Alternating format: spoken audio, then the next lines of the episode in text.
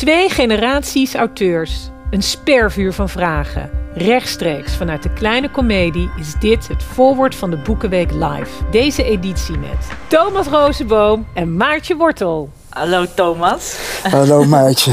Ehm, ja, we gaan eh, elkaar vragen stellen, heb ik begrepen. Ja, Ga jij mij eerst introduceren? Of Ja, heel graag. Ja. ik vind het ontzettend leuk om met jou weer een gesprek te hebben zo dadelijk. Want ik zie je eigenlijk eh, nooit in het gewone leven. Ja, jij bent in 2009 gedebuteerd. Twaalf jaar geleden bijna met Dit is jouw huis, een verhalenbundel. Daarna heb je twee eh, romans gepubliceerd. En in 2015 eh, weer een verhalenbundel. En dat is, dacht ik, je laatste eh, boek geweest. Klopt dat? Eh, nee, daarna heb ik nog twee boeken Oh, eh, gepubliceerd. Maar dat is helemaal niet erg. Want eh, het gaat erom dat we alle twee schrijvers zijn.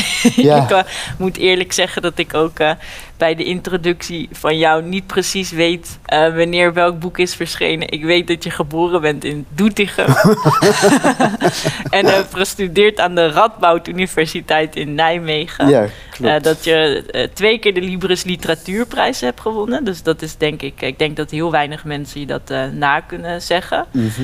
Publieke werken en gewassen vlees. Helemaal goed, Ja, ja. en in 2004, ik zag hem hier al staan. eh, in 2004 heb jij het Boekenweekgeschenk geschreven. Ja. Spitsen. En ik eh, vind het fijn om je. Ik, heb je een keer gezien bij een avond van Sla over. ehm, ik ben vergeten, moet ik eerlijk zeggen, wat dat was. Maar ik moest van de Rietveld Academie naar meer literaire activiteiten van Wim Brandt, waar ik les van kreeg. Oh, En toen Oh ben ik gegaan naar een in memoriam van een redacteur. Ik ben zijn naam vergeten.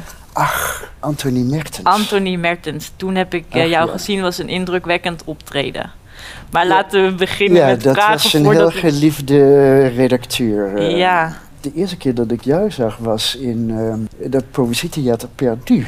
Oh Daar ja. las jij toen een kort verhaal voor. ja. En toen ik wegging in het voorbijgaan, zei ik, eh, goed verhaal of zo. En een jaar later bij het boekenbal, toen zei jij tegen mij van, hé, hey, hallo. eh, Oh ja, dat was zei aardig dat ik... je dat toen, eh, dus dan ook nou wat aardigs terug. Ja, ah, dat is, ja, dat is altijd leuk natuurlijk als je net begint met schrijven en iemand die twee keer de Libris Literatuurprijs Oh, ja. heeft gewonnen Nou, zegt goed verhaal. Nou, Dat is dan toch papa, papa. ja, dan bel je meteen je vader. Eh, Maar ik ga je een vraag stellen. Ja. Zal, zal ik gewoon zelf een kaart eh, trekken voor jou? Oké. Eh, dit is wel deze vraag. Wat is een mooi boek van de auteur tegenover je? Ja, dit kunnen we eh, denk nee, ik... doe maar een andere. Ja, we ja. doen een andere. dit is goed, hè? Want we willen gewoon eigenlijk elkaar leren kennen. Ja. Niet de boeken. Nee. Eh, hoe begin je met het schrijven van een nieuw boek? Oh, dat vind ik interessant. Oh, ja. want- Ja. Ja, vertel eens. Hoe, nee, hoe nee van dat? jou. Want, want eerlijk, ja, ik heb net vanmorgen nog les gegeven aan de Rietveld Academie. Oh. Geef ik nu zelf les. Aha. En ik gebruik jou en Hanna Barefoot, die dit jaar het Boekenweek eh, geschenk schrijft, heel vaak als voorbeeld. Oh. Omdat ze les krijgen van mij. En ik schrijf heel intuïtief en rommelig. En ik ga deed het, loop ik eens tegen en dan moet ik weer terug. Ja. En dan, ik heb wel eens een documentaire, denk ik, over jou gezien. Waarin je een heel, heel hele constructie maakt van je roman. En Hanna schrijft ze ook, die belt mij soms op, zegt ze: Oh, zo vermoeiend hoe jij werkt. Dus dan heb ik het met die studenten erover dat je zo op verschillende manieren een boek kunt maken. Dat er niet één manier is. Maar kan jij daar Ja. misschien zelf iets over vertellen? Ja, ik, ik werk inderdaad met een, eh, met een schema. Ja, maar goed, als jonge schrijver, niemand begint op die manier natuurlijk. Ben je zo ik niet begonnen? Nee. Hoe ben je begonnen dan?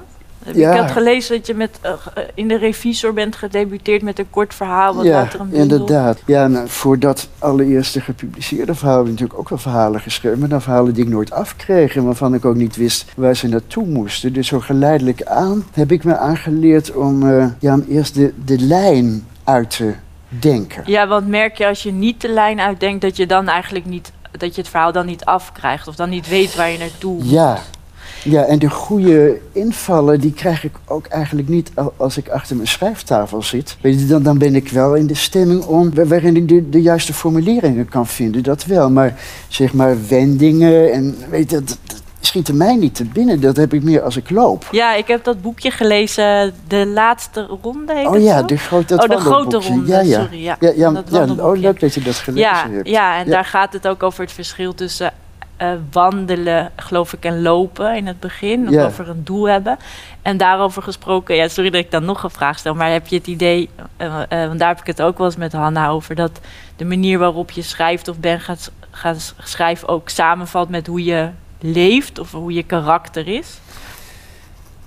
Dat je eerst eigenlijk een hou, eerst een houvast wil en dan pas bijvoorbeeld ergens aan begint. Eerst grip wil. Het heeft bij mij denk ik alles te maken met onzekerheid. Weet je. Ik denk als ik niet een, een, een duidelijke structuur voor me zie, dan, ja, dan, dan denk ik, ik krijg het niet af. Het, eh, ik breng het niet tot een goed einde. Nee, maar, maar heeft u dat ook in het dagelijks leven met zoiets als liefde of boodschappen doen? Of... Ja, ik vind het verschrikkelijk om op vakantie te gaan. Dus Oh, ja. mij met enorme spanningen gepaard. Ik ga Ja. net zo lief niet op vakantie. Weet je, als ik op vakantie ga, dan is het meestal om een ander een plezier te doen. Maar ik blijf zelf net zo lief thuis. Maar heeft de ander een plezier als je toch gaat als je helemaal niet wil? Nou, als, als de onzekerheid zoveel mogelijk uitgebannen wordt, dan ben ik heel eh, prettig gezelschap. Dat, dat wel. En dan kan ik er ook echt van genieten. Mijn, mijn laatste vakantie bijvoorbeeld, nou, nou twee jaar geleden of zo, of drie jaar geleden, dat was met de trein.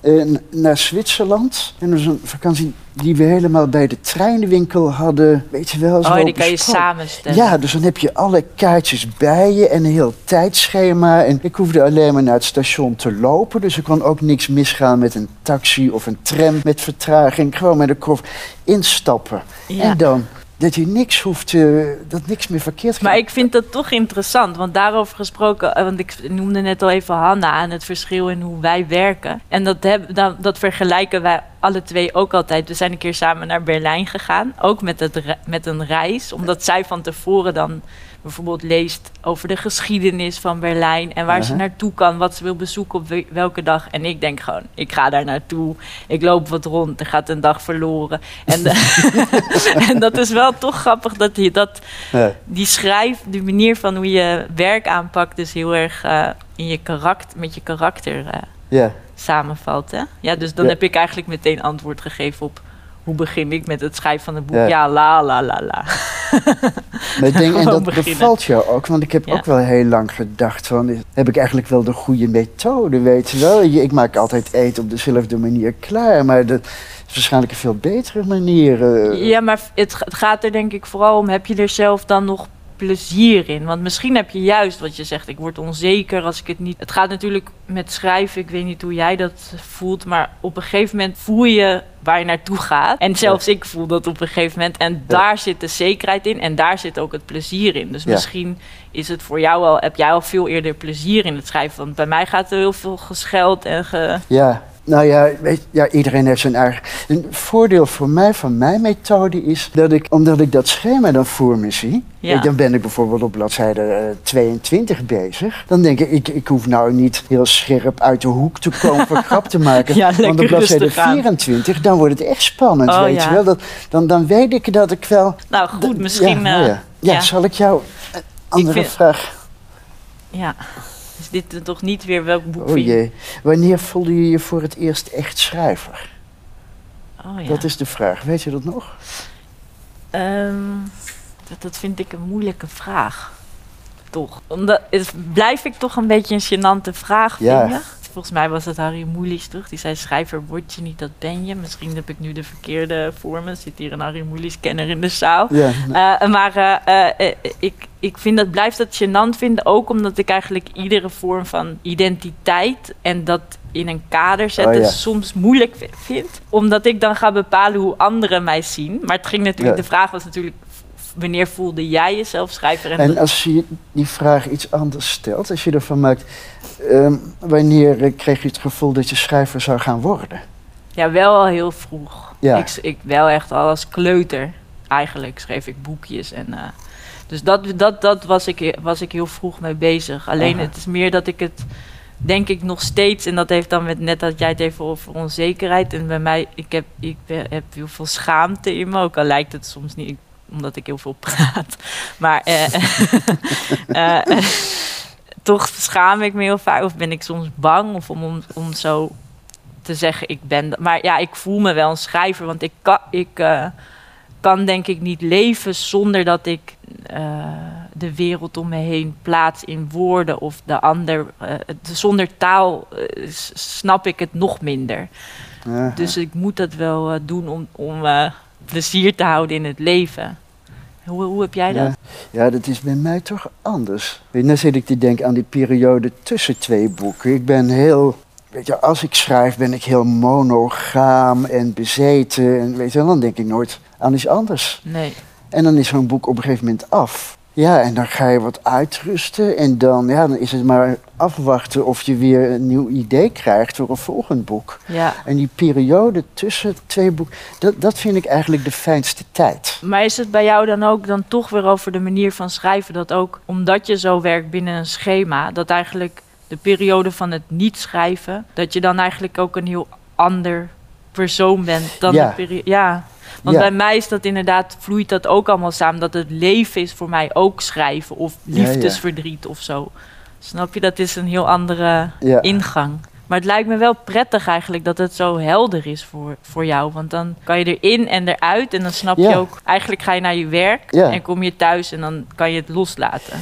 Ja, ja ik, ik, heb, ik, ben, ik ben het, het, schrij- zeg maar het eh, beroep schrijven, het fulltime schrijven, weet je wel. Ik, snel was het voor mij niet meer nodig om er nog bij te werken in de maatschappij. Nee. Dus dat, dat ervoer ik toen als een voorrecht, van ik hoef nergens naartoe. Maar ja, na verloop van tijd ging het ook als iets onnatuurlijks aanvoelen om alleen maar met dat schrijven, met je eigen fantasie bezig te zijn. En om, door daar zo geobsedeerd te raken, dat, ja, weet je wel, dat het moeilijk is om echt mee te leven met andere mensen en belangstelling te hebben. Ook, ook voor goede vrienden die be- belangrijke dingen meemaken. Ja, want wat doe je dan in de periode als je niet schrijft?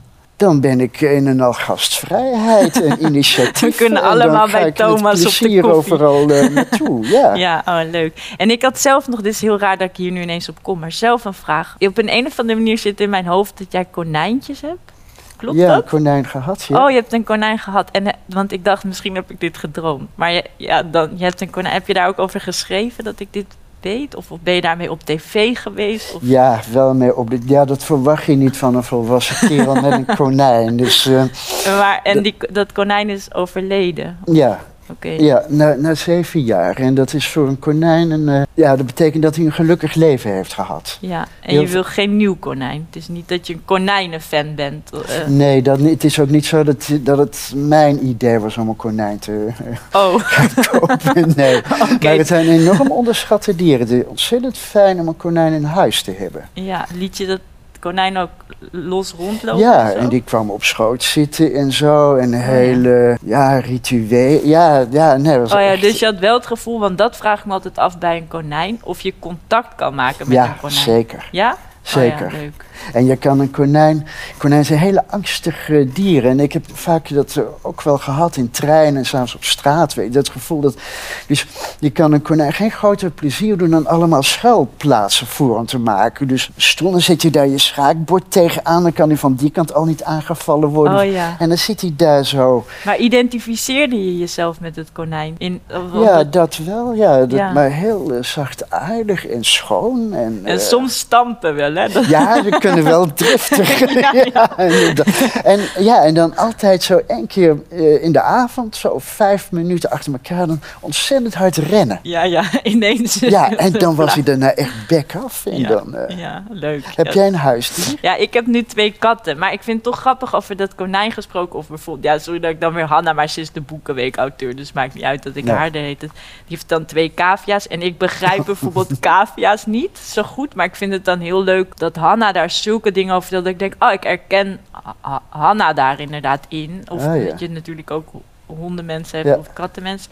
En ik, ik heb dat met katten, dat ik heel erg ervan hou dat ze zo ongrijpbaar zijn. En eh, ruimte en tijd. gewoon. Maar je hebt ook mensen die denken, wat Ja. moet je met dat dier? Die keert je de hele tijd de rug toe. Maar i- mij leert het dan, denk ik, deed het iets ook over de liefde of zo. Dat je niet te veel moet verlangen, maar je woont daar gewoon samen. Dat is natuurlijk sowieso met een dier. Ja, Ja, die praten niet terug. Zegt ook, dus het is wel een prettige vorm van liefde, vind ik. Dat zo'n dier gewoon ja. daar is. Wel, ik heb ook een kat gehad. Of weet je wel, ik woonde ergens en woonde nog iemand anders. Die ander had een kat, maar die verdween naar Brazilië. En toen had ik die kat. Ja. Weet en ik heb het idee dat die kat mij eigenlijk helemaal niet mocht achteraf. Nee, nee katten zijn en heel dat wij hard. in ja, een constante misverstand leefde. Hij had altijd droge brokken, dus echt honger had hij nooit. Maar het lekkerste vond hij dat vlees uit blik. Ja, en dat dat, stond in de dat snap ik. koelkast. Zo nat vlees, dat Ja, lekker. dus ik dacht, dan geef ik hem om zes uur dat vlees. Weet Ja. wel, dat hij dat dan weet. Maar dan begon hij al om vijf uur te mekkeren. en het ging door merg en been. En ik zat dat dan uit, of ik riep af en toe stil. En dan tot zes uur. En dan gaf ik het. En ik dacht, nou, zo moet je toch gaan leren dat het gemekken geen zin heeft. Maar achteraf denk ik dat die kat altijd dacht, als hij dan om zes uur dat vlees kreeg, van, maar goed dat ik al om vijf uur ben begonnen, anders had het nog veel langer geduurd. En de baas is een beetje traag van begrip, die, die begrijpt niet dat ik bedoel van, geef mij dat vlees. Precies, ja, het kan van Ja. alles. Heb jij dat niet? Dat, Ja, mijn katten, die, ja, het zijn, het zijn er twee. En die, maar ik heb het gevoel dat ik ze wel, dat we elkaar wel begrijpen. Het gaat vooral gewoon dat je denkt, we wonen hier lekker samen. ja, ja. Oh, oh, dit is een leuke Oh, vraag, want het is, welke boekverfilming vond je teleurstellend? want jouw boek is verfilmd, eh, publieke werken. ja.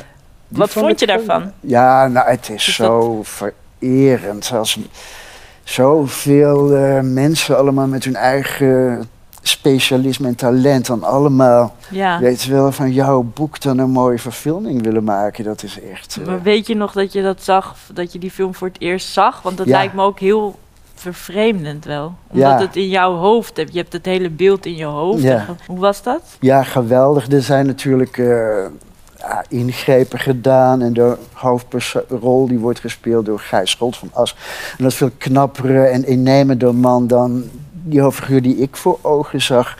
Ja. Maar het werkte heel goed. En, maar ik was enorm geëmotioneerd. Maar ik heb die film, ik denk, zes of zeven keer gezien. Oh ja, en, ook En nog een waarom paar zo vaak dan? Ja, eerst de voorvertoning Oh, en dat- toen nog een keertje. Met dat je mensen- meekwam met Q&A en zo. Dat je erbij bent als de schrijver. Of, of- Ja, zo weet je Ja, ja. altijd. En, en bij de première nog een keertje met eh, alle medewerkers van de uitgeverij. Heel leuk. En een keer met mijn eh, familie, weet je wel. Ja, dus ja. vier keer en nog een paar keer op de tv. Hij wordt één keer per jaar ongeveer. En ja, maar ik blijf hem eh, geweldig vinden. Maar dus dat was dan geen teleurstellende boekverfilming. Maar heb, heb je wel een teleurstellende boekverfilming gezien? Nou ja, in die tijd van eh, mijn boekfilm werd ook een roman van de Hermans verfilmd. En Nooit meer slapen. En heel mooi, ja, gespeeld door de zoon van eh Gijs Scholt van ja, Aschat. ik heb hem gezien, ja. Ja, en hele mooie beelden en zo. En, eh, en een hele stille film met veel zwijgen. Mhm. Maar daar miste ik dan toch die, die familiale, die, die, die band van die zoon, die in het boek zit van die zoon met die, met die vader. ja, hij dan altijd mis je een laag, hè? Ja, dat hij altijd zo gekleineerd werd. En dat dan die expeditie daar naar Noorwegen voor hem ja, de kans was om zich te doen gelden. En, eh, dat, dat, ja, dat,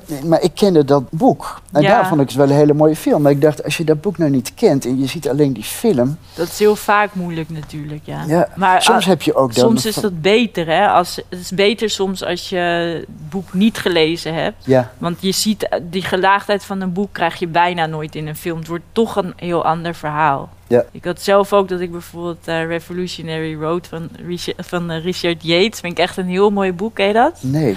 Nou, Wat is dat voor een boek? Ja, dat is een boek over dan eh, een jong stel en die verhuizen in Amerika naar zo'n buitenwijk en ze hebben grote droom, maar dat gaat over een huwelijk dat helemaal kapot gaat, maar heel mooi, heel mooi geschreven en heel eigenlijk in potentie zo'n zo'n liefde die niet ja, het is heel moeilijk. Gewoon een liefde die kapot gaat. Je ziet het langzaam gebeuren. Eh, en dat die dromen vervliegen. En de Amerikaanse droom eigenlijk ook. En er is die, een, boek, een eh, verfilming van. En toen heb ik gehuild, maar niet op de goede manier. Omdat dit een van mijn lievelingsboeken was. Die dan verfilmd is. De film is ook heel goed als film. Nou, heet die film ook Ja, Revolutionary? die is met, eh, met, volgens mij was het Leonardo DiCaprio. Ik weet niet zeker. Oh nee, dan heb ik hem toch niet. Oké, ja. ja. en dat ik het echt heel, heel teleurstellend vond. Maar dat komt dan omdat sommige boeken zijn je zo dierbaar. Dan moet je eigenlijk niet... Dat ik vroeger ook met de GVR van Roald Dahl. Dat je, dan heb je dat helemaal in je hoofd. Oh, ja.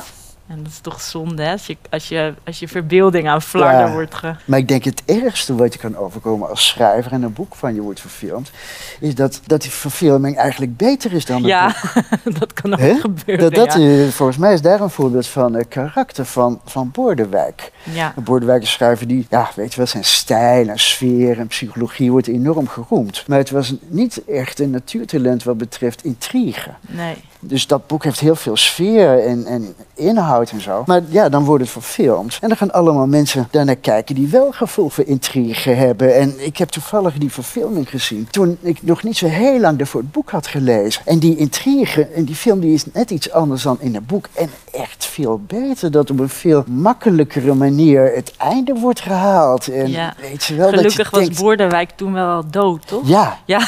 daar ben je altijd bang voor, toch? Dat Ja. iemand zegt van, goh, waarom heb je het niet zo gedaan? Ja. En dat je dan moet beamen van, ja, jezus, dat was veel beter geweest. Ja, dat kan natuurlijk ook, ja. Ja. Nog, een, eh, nog een vraag. Wil jij een vraag? Oh, wacht. Ja, ja. eentje. ja, over welk onderwerp zou je nog wel eens willen schrijven? Oh.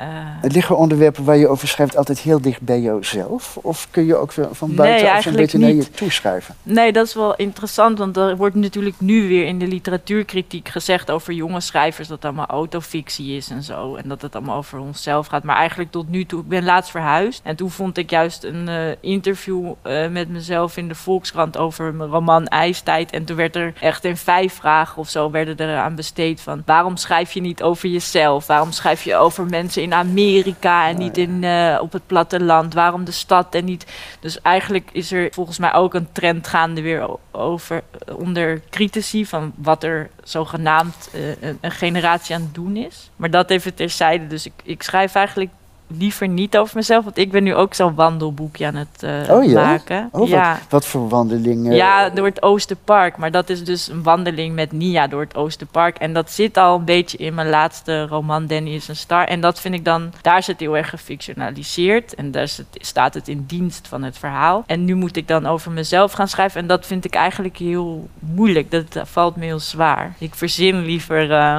Ja. van alles. En dan inderdaad wel bij een onderwerp. Alleen bijvoorbeeld, ik heb ook gelezen over jou dat jij eh, echt zo een geschiedenis induikt. En eigenlijk alles van een onderwerp eh, heel, heel goed research doet.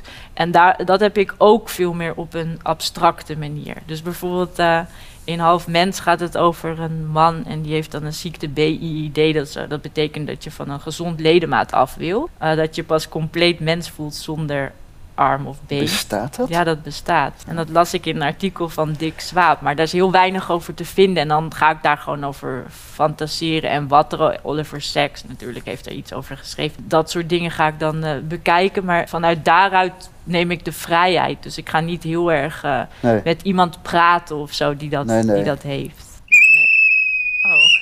Het zit erop. Dankjewel Ja. voor het gesprek. Jij ook, dankjewel. Ik vond het heel leuk. Het ging Ik ook. snel voorbij. Ja, Ik had nog wel meer over konijnen willen weten, toch? ik dacht, ik trek snel een volgende kaart voordat we het alleen over huisdieren hebben.